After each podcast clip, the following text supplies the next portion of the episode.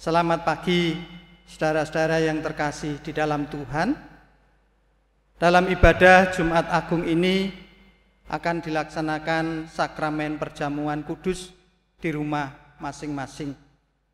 Dipersilahkan setiap keluarga untuk menyediakan makanan dan minuman yang menjadi unsur dalam sakramen perjamuan, seperti dalam perjamuan kudus kontekstual.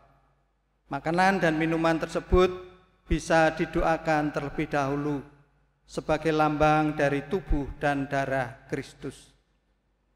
Layanan sakramen perjamuan kudus akan dilayankan oleh pendeta dalam video yang sudah disediakan. Diharapkan seluruh anggota keluarga bisa mengikutinya dengan baik. Bapak Ibu Saudari yang terkasih di dalam Tuhan, Yesus Kristus telah mengenapkan semua tuntutan hukum Taurat dengan menyelesaikan semuanya dalam kematiannya di atas kayu salib. Yohanes 3 ayat 16 berbunyi demikian. Karena begitu besar kasih Allah akan dunia ini, sehingga ia telah mengaruniakan anaknya yang tunggal, supaya setiap orang yang percaya kepadanya tidak binasa, melainkan beroleh hidup yang kekal. Yohanes 12 ayat 23 dan 24 mengatakan demikian. Tetapi Yesus menjawab mereka, katanya, "Telah tiba saatnya anak manusia dimuliakan. Aku berkata kepadamu, sesungguhnya jikalau biji gandum tidak jatuh ke dalam tanah dan mati, ia tetap satu biji saja. Tetapi jika ia mati, ia akan menghasilkan banyak buah. Oleh karena itu, Bapak Ibu Saudara, kehidupan yang sekarang kita jalani di dalam Kristus semestinya menjadi kehidupan yang serupa dengan Yesus Kristus dalam kehadirannya yang rela berkorban bagi semua orang dan untuk mewarkarkan Kristus yang juga telah berkorban bagi segala makhluk. Mari kita mempersiapkan hati kita untuk masuk dalam ibadah kita saat hening bagi kita semua. Bapak Ibu yang terkasih di dalam Tuhan, marilah kita menyanyikan pujian untuk merayakan kasih Tuhan yang mengendapi janjinya kepada umat miliknya dengan nyanyian dari KJ 454 baitnya yang pertama. Indahnya saat yang teduh.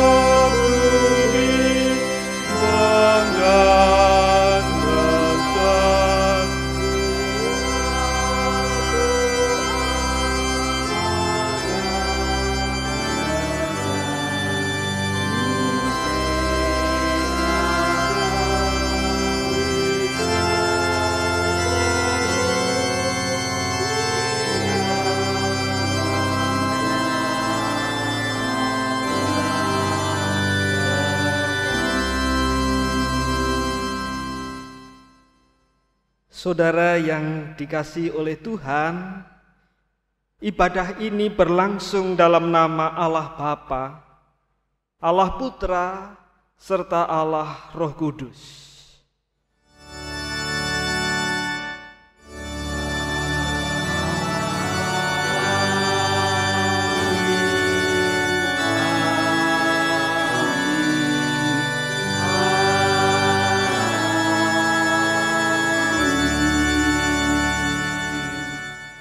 Kasih karunia dan damai sejahtera dari Allah Bapa dan dari Tuhan Yesus Kristus menyertai saudara.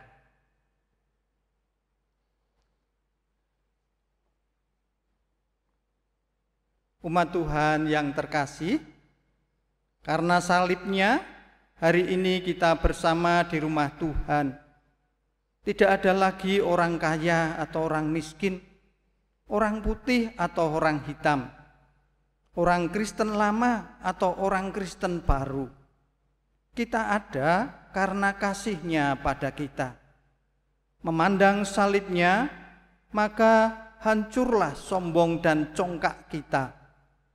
Pandanglah salibnya, supaya kita memandang dengan benar segala sesuatu yang ada di dalam hidup ini. Memandang seperti Tuhan Yesus memandang kita dari atas salibnya. Marilah kita nyanyikan Hitung Jemaat 170 bait 1 dan 5 Kepala yang berdarah.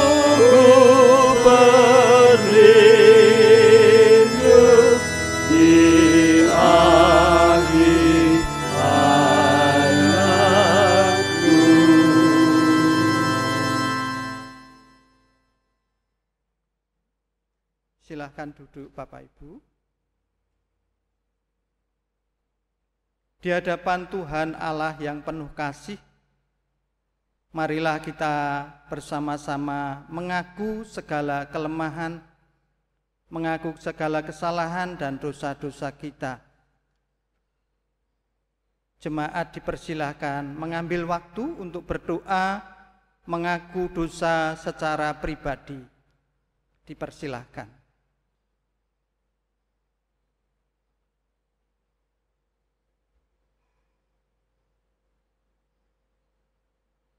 Mari kita berdoa bersama. Saat ini ya Tuhan Yesus, kami mengakui, kami menyadari akan dosa kesalahan kami. Hati kami yang sombong, hati kami yang merasa sering benar sendiri. Di bawah kaki salibmu ya Allah, kami mengakui segala kesalahan kami. Ampunilah kami ya Tuhan, di dalam nama Tuhan Yesus. Amin. Marilah Bapak Ibu kita nyanyikan Kaji 361 baitnya yang kedua dan keempat. Di salibmu ku sujud.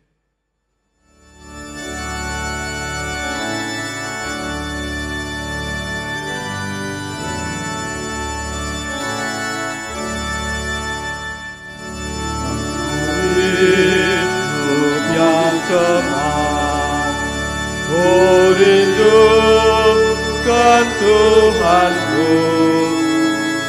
Maka Yesus mendengar Ku hapuskan dosamu.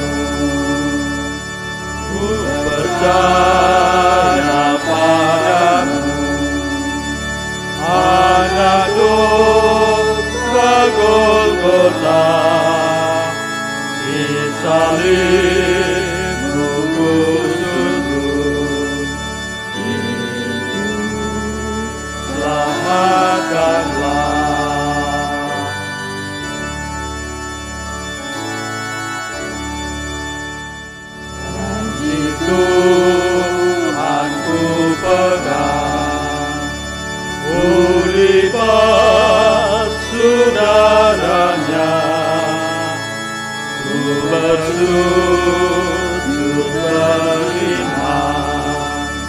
Bersalin bersamanya.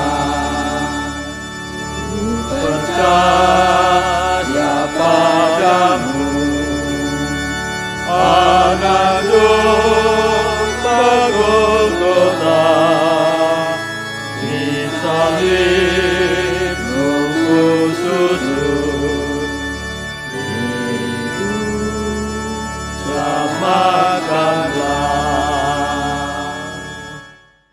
Tiba saatnya kita akan terima berita anugerah.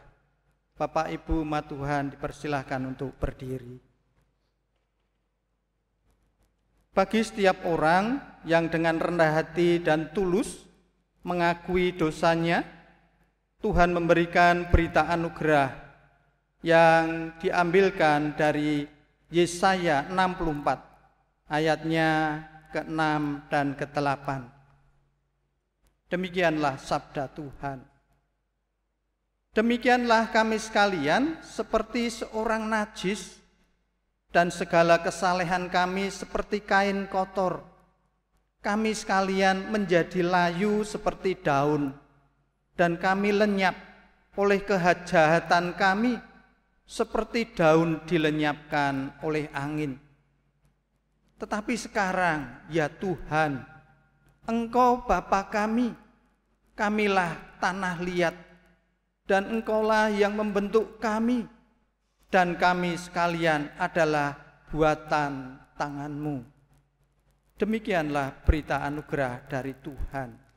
Syukur pada Allah Salam damai bagi kita sekalian. Kita akan menyanyikan KJ 357 baitnya yang pertama dan kedua. Dengar panggilan Tuhan.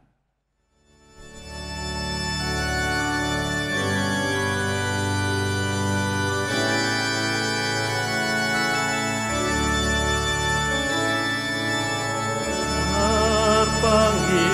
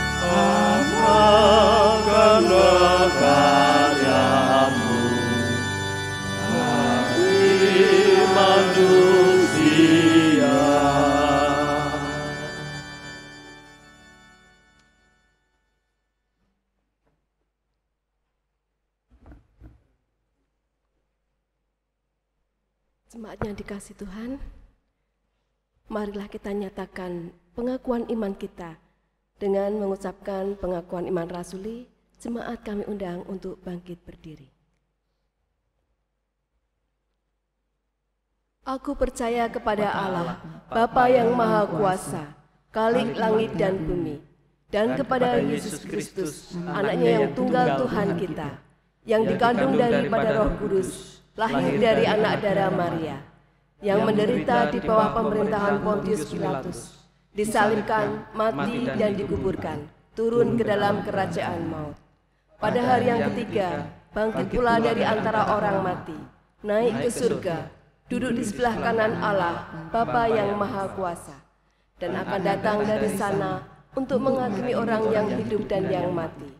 Aku percaya kepada Roh Kudus, gereja yang kudus dan am, persekutuan orang kudus, pengampunan dosa, kebangkitan daging, dan hidup yang kekal.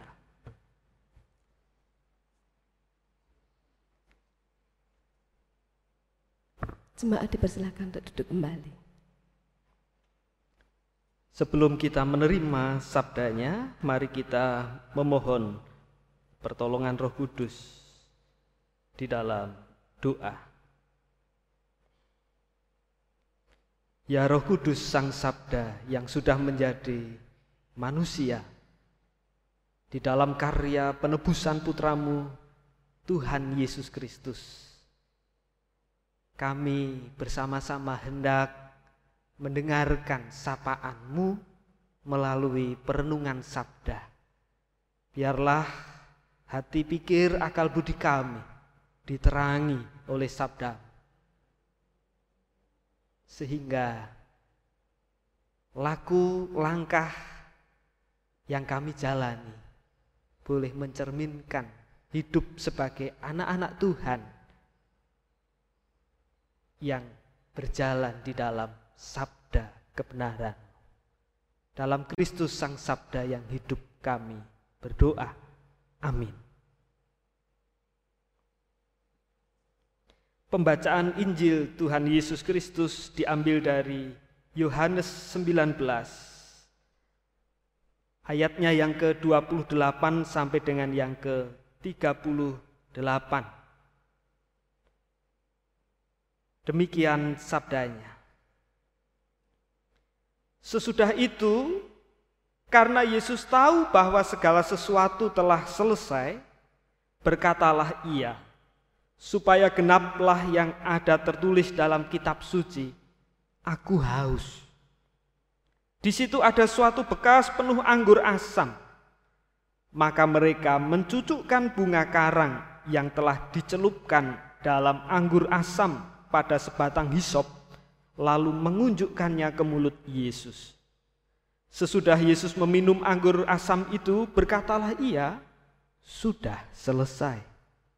Lalu ia menundukkan kepalanya dan menyerahkan nyawanya. Karena hari itu hari persiapan dan supaya pada hari sabat mayat-mayat itu tidak tinggal tergantung pada kayu salib, sebab sabat itu adalah hari yang besar, maka datanglah orang-orang Yahudi kepada Pilatus dan meminta kepadanya supaya kaki orang-orang itu dipatahkan dan mayat-mayatnya diturunkan.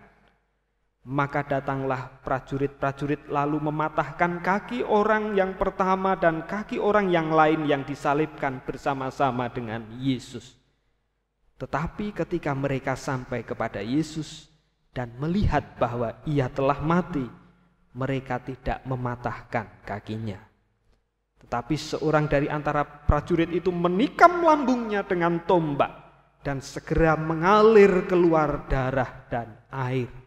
Dan orang yang melihat hal itu sendiri yang memberikan kesaksian ini dan kesaksiannya benar dan ia tahu bahwa ia mengatakan kebenaran supaya kamu juga percaya. Sebab hal itu terjadi supaya genaplah yang tertulis dalam kitab suci.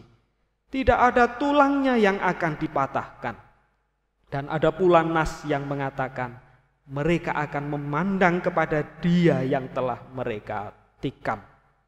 Sesudah itu Yusuf dari Arimatea, ia murid Yesus tetapi sembunyi-sembunyi karena takut kepada orang-orang Yahudi meminta kepada Pilatus supaya ia diperbolehkan menurunkan mayat Yesus. Demikianlah Injil Tuhan Yesus Kristus. Yang berbahagia ialah mereka yang mendengarkan sabdanya dan yang memeliharanya. Hosiana.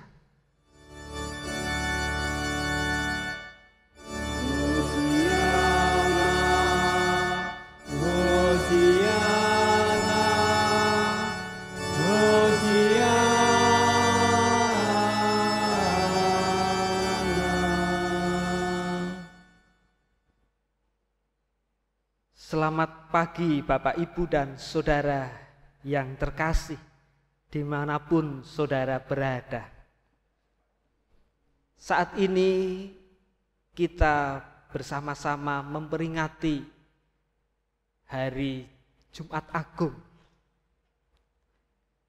Biasanya di gereja-gereja penuh dengan jemaat yang hadir hendak menghayati peristiwa kematian Tuhan Yesus. Di Semarang Timur, di GKJ, biasanya ketika Jumat Agung, jemaatnya mencapai 350 orang. Tapi sekarang di gereja dari 300 orang itu nolnya gelundung dua. Tapi bukan berarti jemaat tidak beribadah.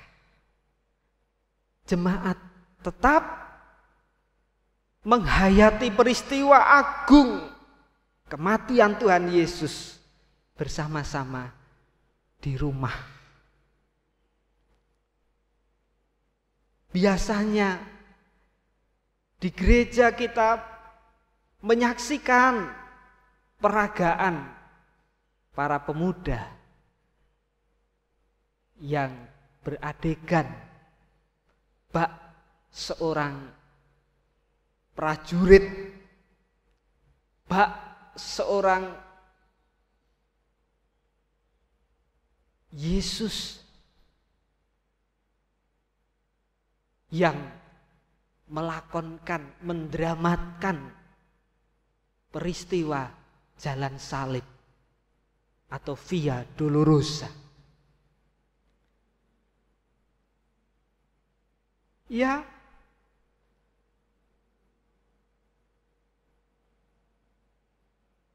penghayatan itu menolong Drama itu menolong seseorang untuk menghayati bagaimana berat, bagaimana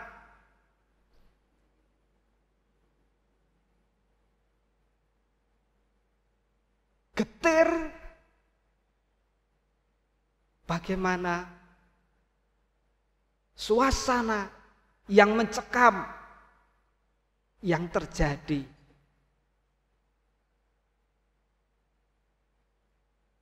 di Golgota pada waktu itu. Ya,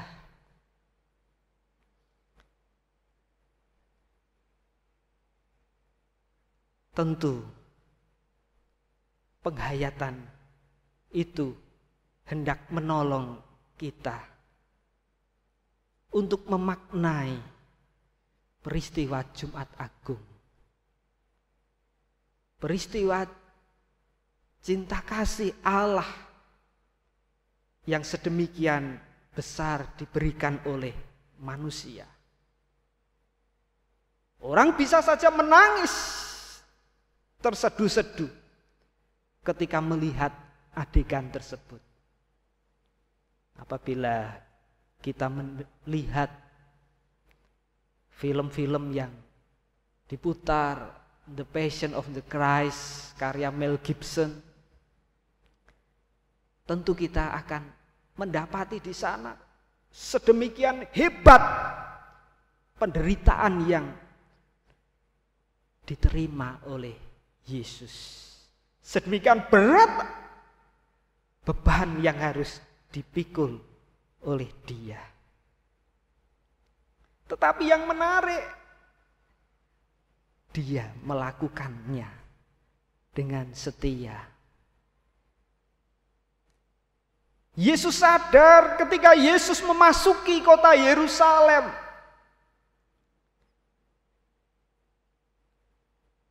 Dia dielu-elukan bak seorang raja. Mesias yang dinanti-nantikan oleh orang-orang Yahudi. Masyarakat Yahudi menghamparkan pakaian sebagai simbol harga diri, pakaian yang dikenakan, dilepas, dihamparkan untuk menyambut Yesus. Mereka tidak menggubris kediriannya. Karena mereka menyambut seorang raja yang hendak membawa orang-orang Yahudi lepas dari penjajahan Romawi. Tetapi lepas beberapa hari dari Minggu Palmarum, kita melihat peristiwa tragis di mana orang-orang yang tadinya mengatakan hosana diberkatilah engkau yang datang atas nama Tuhan hosana Namun setelahnya dia mengatakan, salibkan dia, salibkan dia. Sungguh tragis yang dialami oleh Yesus. Dan itu bukan drama. Itu bukan sandiwara.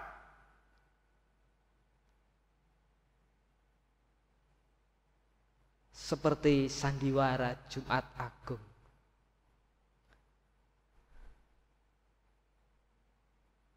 Ada cerita ketika peristiwa Jumat Agung di salah satu komunitas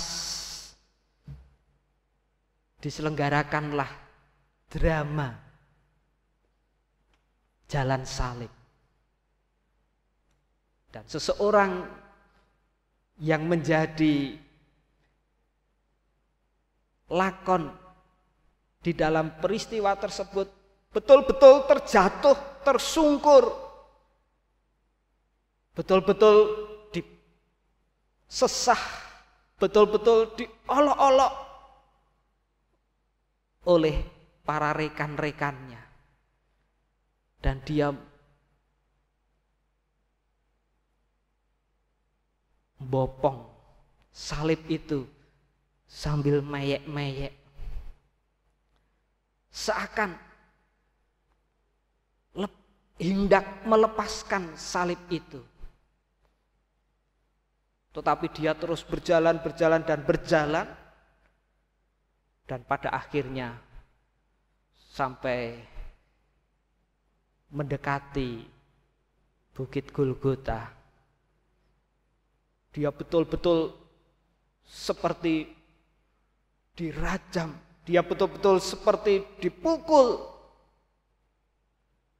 Dan salib itu dia angkat, dia lempar ke para prajurit tersebut. Jalan salib selesai sampai di situ. Bapak Ibu, berbeda dengan apa yang kita baca bersama-sama. Yesus tidak melakukan sandiwara, Yesus tidak melakukan drama. Tetapi Yesus betul-betul melakukan kehendak Bapaknya. Meski ia tahu sejak ia masuk ke Yerusalem dan dielu-elukan bak seorang raja. Tetapi ia tetap kokoh, ia tetap kuat. Meski dalam kemanusiaan pun dia getir. namun dia memandang terhadap kehendak Bapa. Dan bacaan kita pada saat ini Sesudah itu karena Yesus tahu bahwa segala sesuatu telah selesai, berkatalah ia, Aku haus. Di situ ada suatu bekas penuh anggur asam, maka mereka mencucukkan bunga karang yang telah dicelupkan dalam anggur asam pada sebatang hisop, lalu mengunjukkannya ke mulut Yesus. Sesudah Yesus meminum anggur asam itu berkatalah ia, sudah selesai. Yesus merampungkan. Yesus menyelesaikan jalan salib. Yesus tidak melempar salib itu. Yesus tidak berhenti di tengah jalan. Namun ia terus dengan setia mengikuti kehendak Bapaknya. Sudah selesai. Apanya yang selesai? Dalam bahasa Yunani memakai kata tetelestai. Artinya teleo secara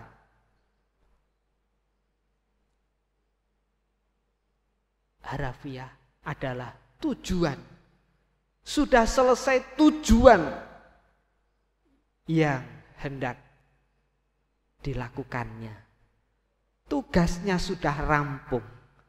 Tugasnya dilakukan sampai kepada kesudahannya.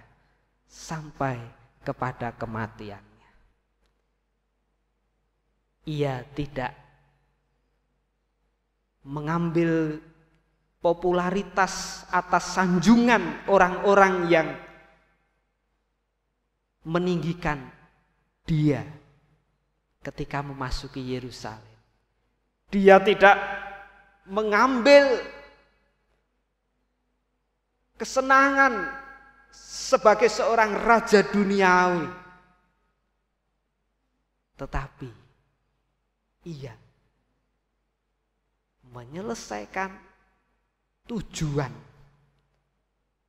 yang diembankan kepada dia oleh Sang Bapa yaitu karya keselamatan Allah kepada manusia. Shalom, damai sejahtera Allah diwujud nyatakan. Manusia beroleh keselamatan.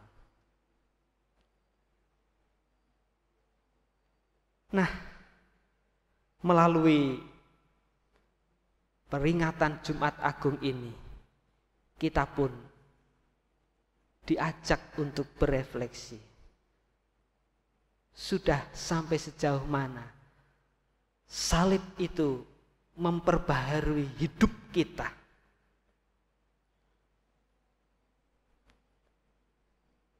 Ketika kita menjadi seorang majelis gereja, ketika kita menjadi seorang anggota komisi, ketika kita menjadi anggota panitia,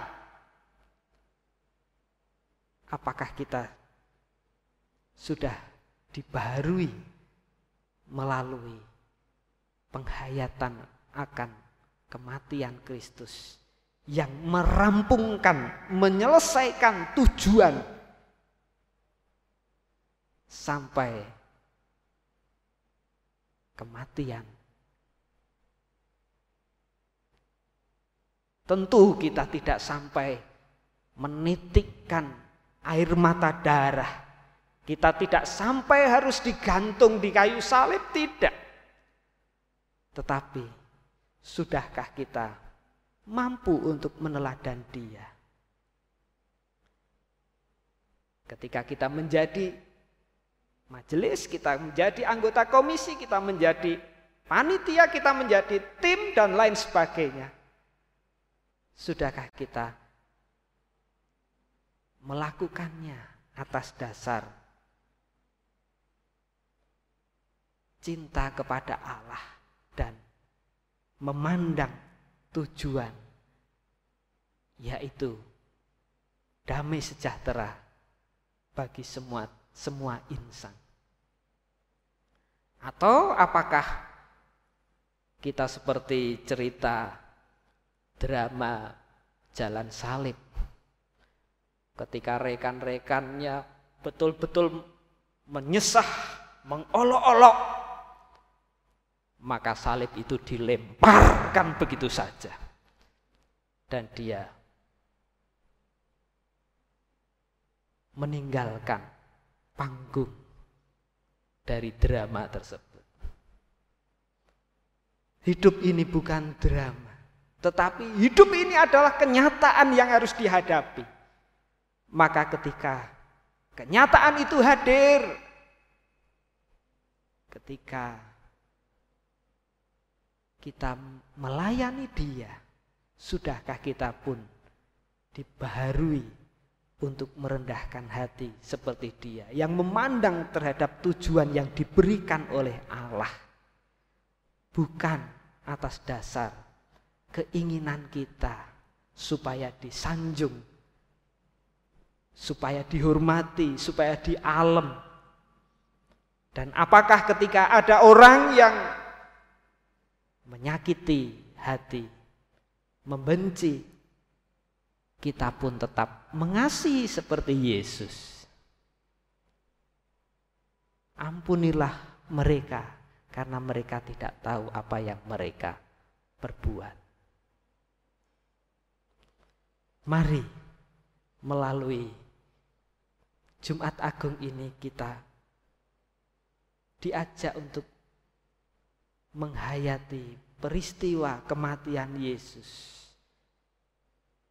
Tidak hanya simpati, tetapi juga berempati, berbela rasa, share be compassion terhadap penderitaan Yesus.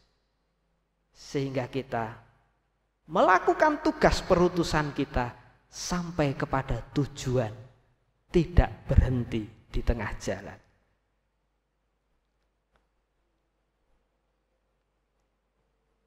Bersama-sama dengan pemerintah yang sedang memutus mata rantai penyebaran COVID-19. Maukah kita pun juga turut serta andil sehingga tujuan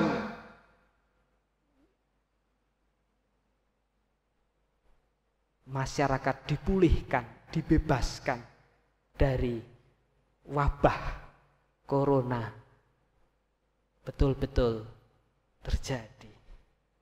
Maukah kita setia untuk mengikuti protokol kesehatan yang sudah diberikan.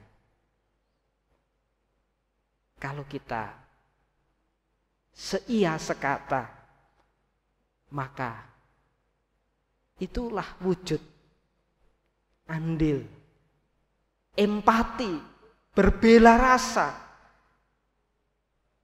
Seperti kita berbela rasa, merasakan penderitaan Kristus. Kita pun merasakan penderitaan saudara-saudara kita yang sedang menderita terkena wabah.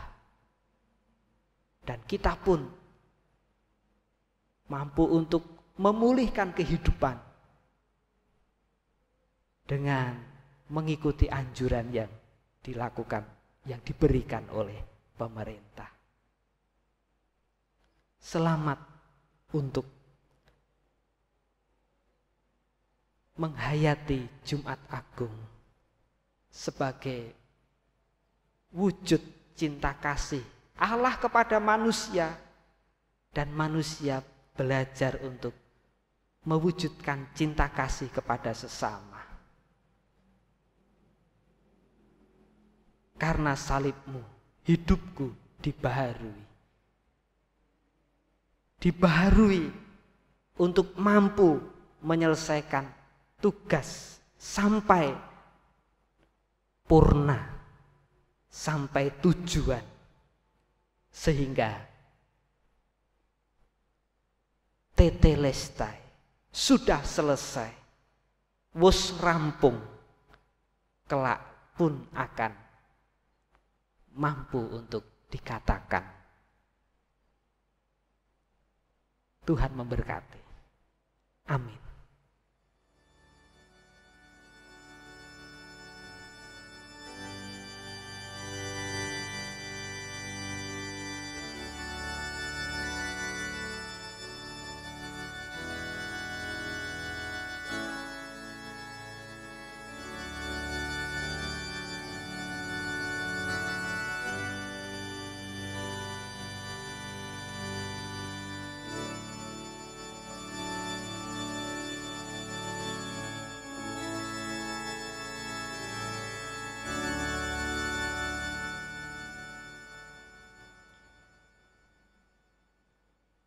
Kita berdoa.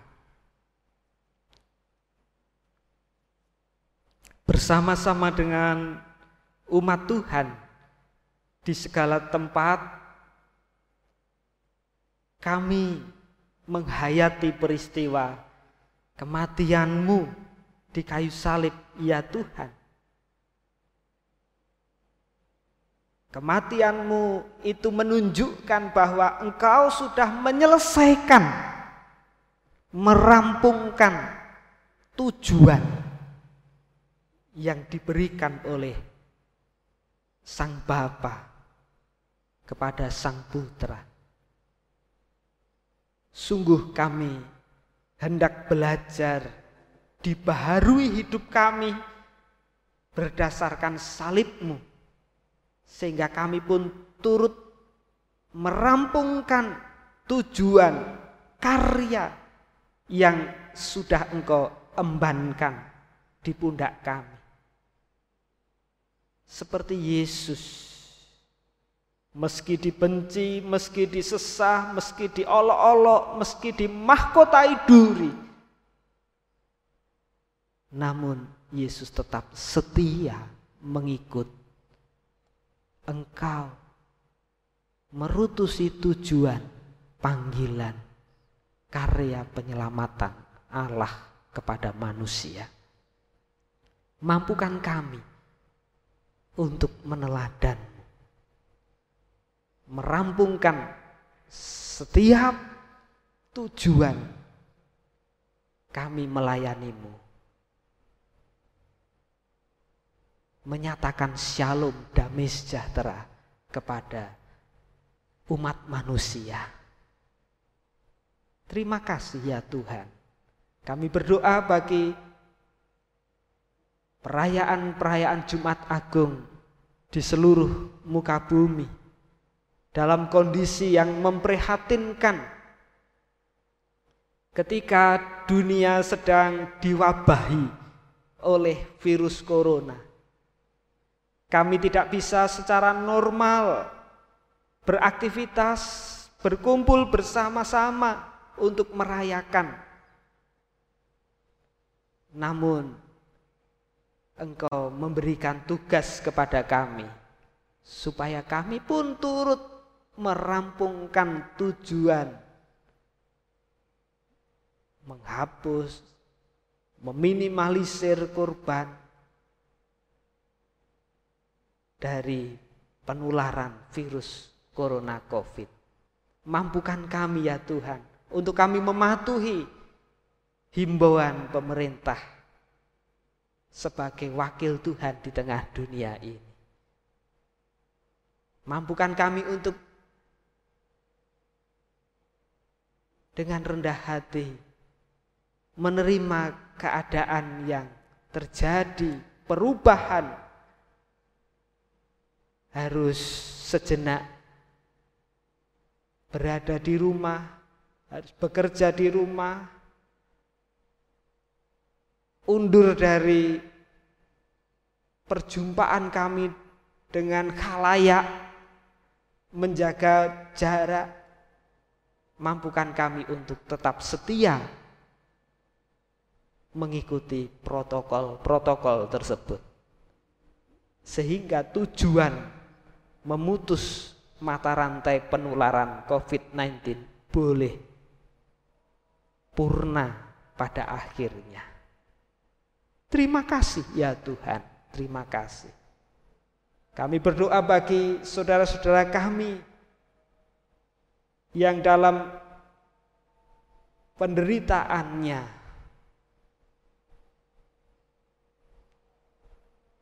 secara fisik,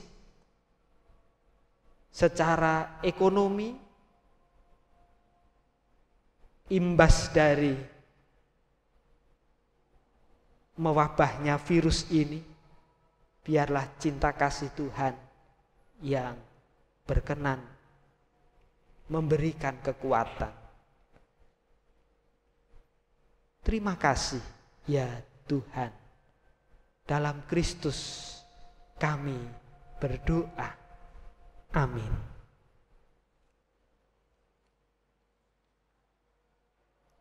Kita nyanyikan Kidung Jemaat 35 baiknya yang pertama.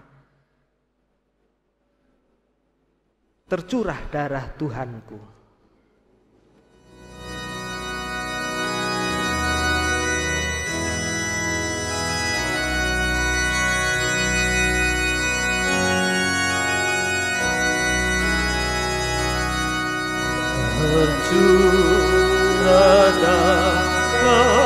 Tuhanku Ibu itu Golgota Lama bertobat ditebus Terhapus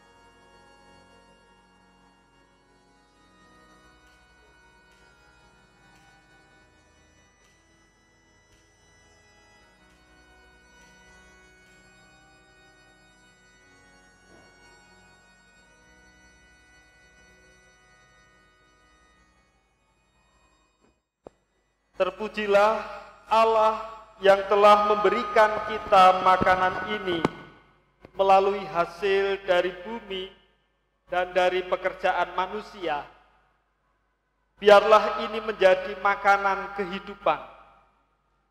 Terpujilah Allah yang telah memberikan minuman ini melalui hasil dari bumi dan dari pekerjaan manusia. Biarlah ini menjadi minuman yang kekal dalam kerajaan. Makanan dan minuman yang tersedia dalam rumah kita adalah bukti anugerah Allah dalam hidup kita. Seperti juga anugerah Allah dalam wujud pengorbanan anaknya untuk menebus dosa kita dan membawa kehidupan.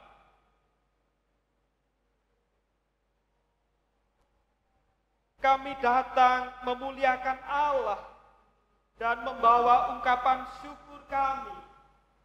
Dengan berfirman engkau telah menciptakan segala sesuatu yang baik. Engkau menciptakan manusia sebagai gambaranmu untuk mencerminkan kemuliaan.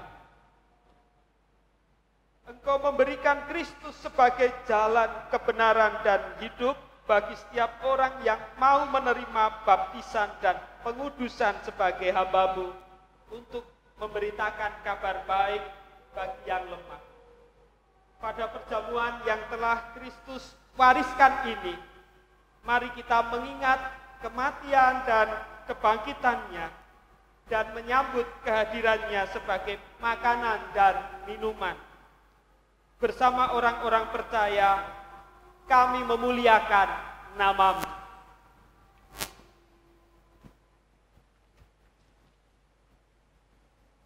Kuduslah engkau ya Allah, dan segala kemuliaan hanya bagi namamu.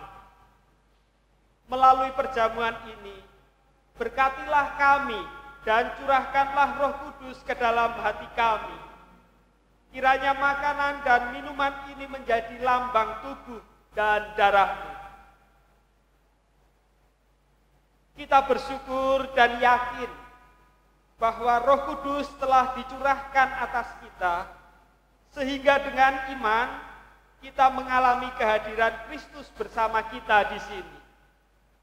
Kristus yang pada waktu malam ia diserahkan, mengambil roti, mengucap syukur, memecah dan membagikan kepada para murid seraya berkata, Ambillah, makanlah, inilah tubuhku yang kuberikan bagimu. Lakukanlah ini sebagai peringatan akan aku.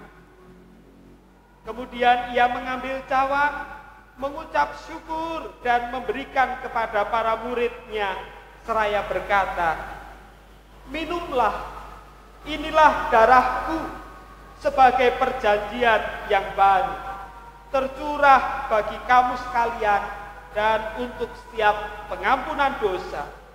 Lakukanlah ini sebagai peringatan akan aku.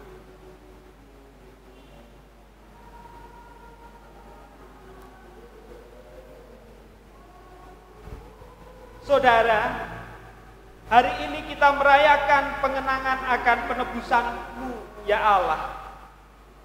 Kita dipanggil untuk mengenang kembali akan kematian Kristus dan turunnya dalam dunia orang mati, kebangkitannya serta kenaikannya yang penuh kemuliaan.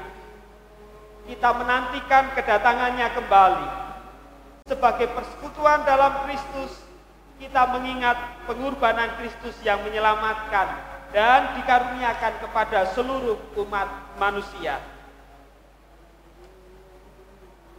Melalui Kristus, dengan Kristus dan di dalam Kristus, segala hormat dan kemuliaan bagi Allah Bapa dalam persekutuan dengan Roh Kudus sekarang dan selamanya. selaku anak-anak Allah yang dipersatukan di dalam satu baptisan, satu roh kudus, dan satu tubuh, mari kita berdoa.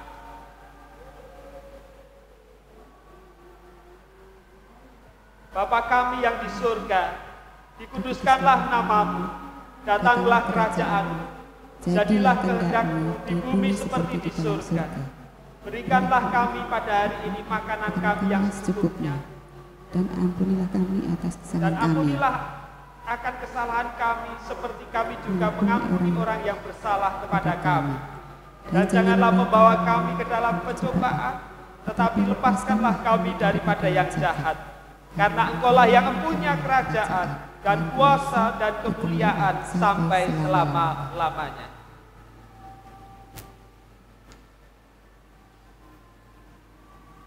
marilah kita menyatakan kasih dengan saling menerima dan saling mengampuni. Salam damai.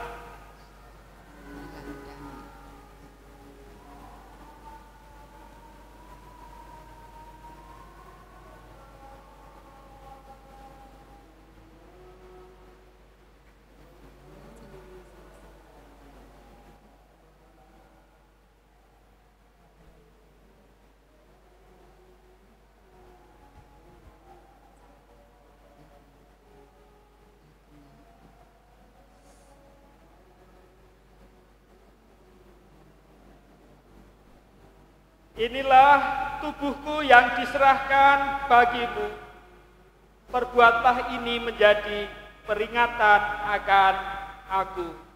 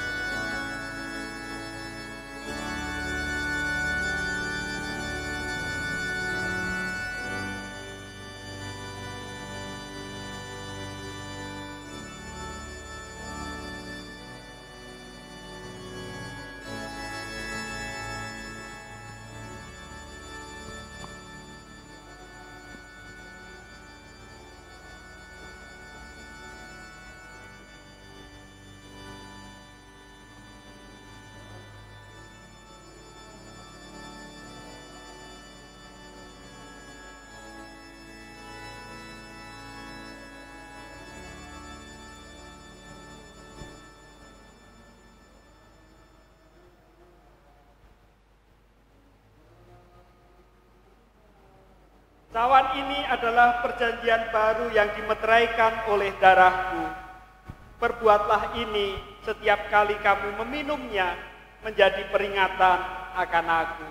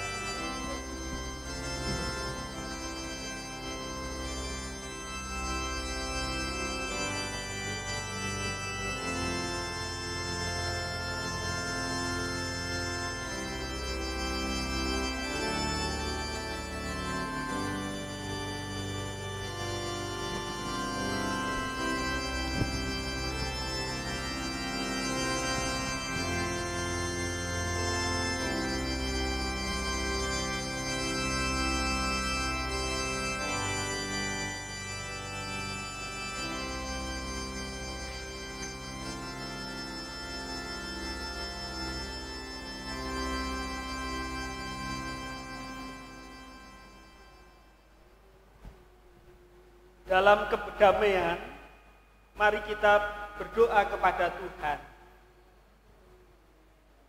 Ya Allah, kami mengucap syukur karena kami boleh dipersatukan dalam baptisan di dalam tubuh Kristus dan dipenuhi sukacita melalui perjamuan kudus. Berikanlah kami kepastian dan arah untuk melihat karya kehidupanmu di tengah dunia ini. Dan tolong kami untuk menghargai pengampunan. Sekarang kami telah merasakan perjamuan yang telah Engkau persiapkan bagi kami di dalam dunia. Biarlah suatu hari kami dapat bersama-sama dalam rumahmu yang abadi melalui Yesus Kristus, anakku Tuhan kami, dalam kesatuan dengan roh kudus. Amin.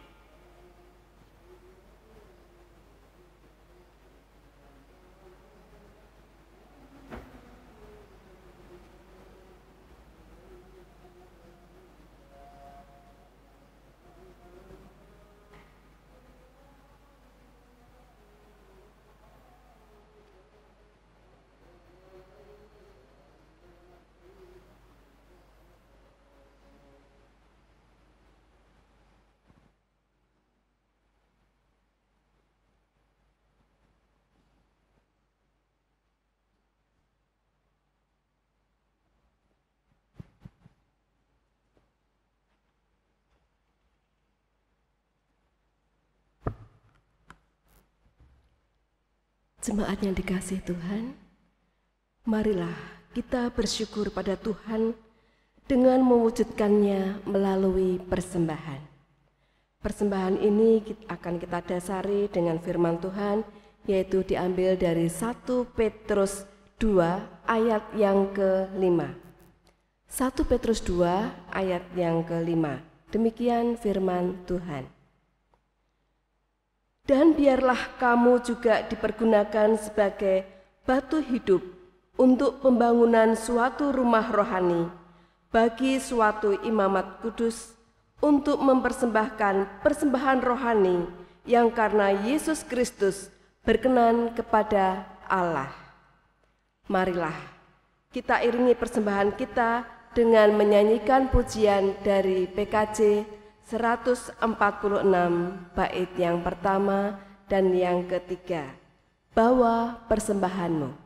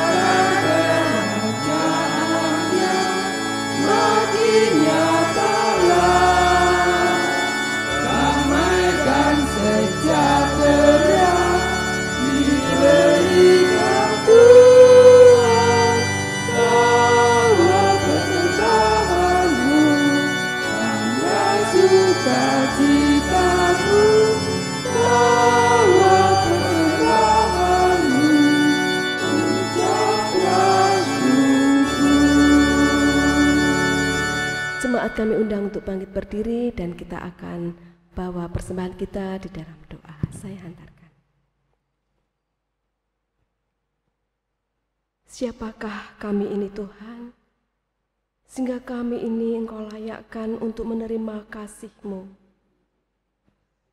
Salibmu itu Tuhan,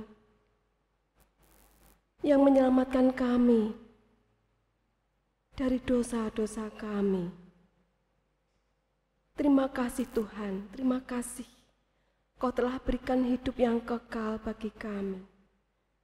Karena salibmu itu Tuhan, hidup kami engkau barui.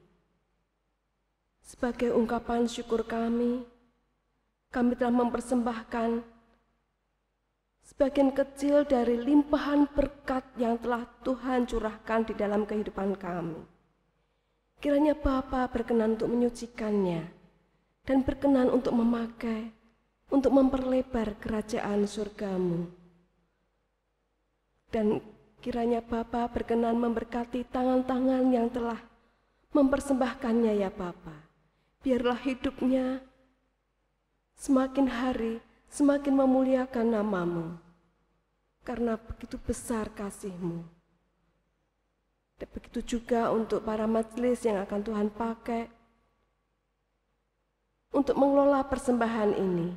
Kiranya Tuhan yang memberikan hikmat marifat, sehingga benar-benar dapat melaksanakan mandatmu seturut dengan kehendakmu. Di dalam nama Tuhan kami Yesus Kristus, kami telah berdoa dan mengucap syukur. Haleluya. Amin.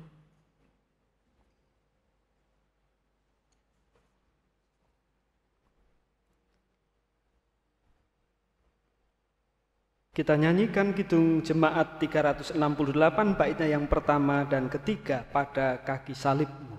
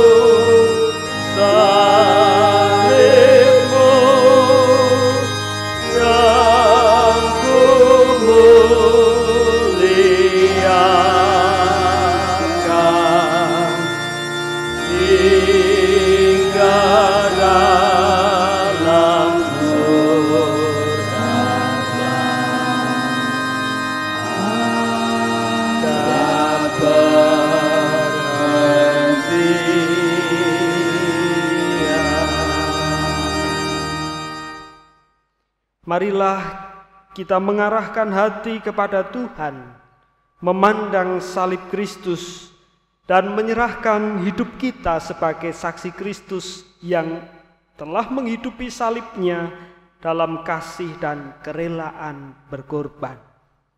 Kini terimalah berkat Tuhan dengan bersama-sama menyanyikan pelengkap Kidung Jemaat 180. Kasih Tuhan mengiring.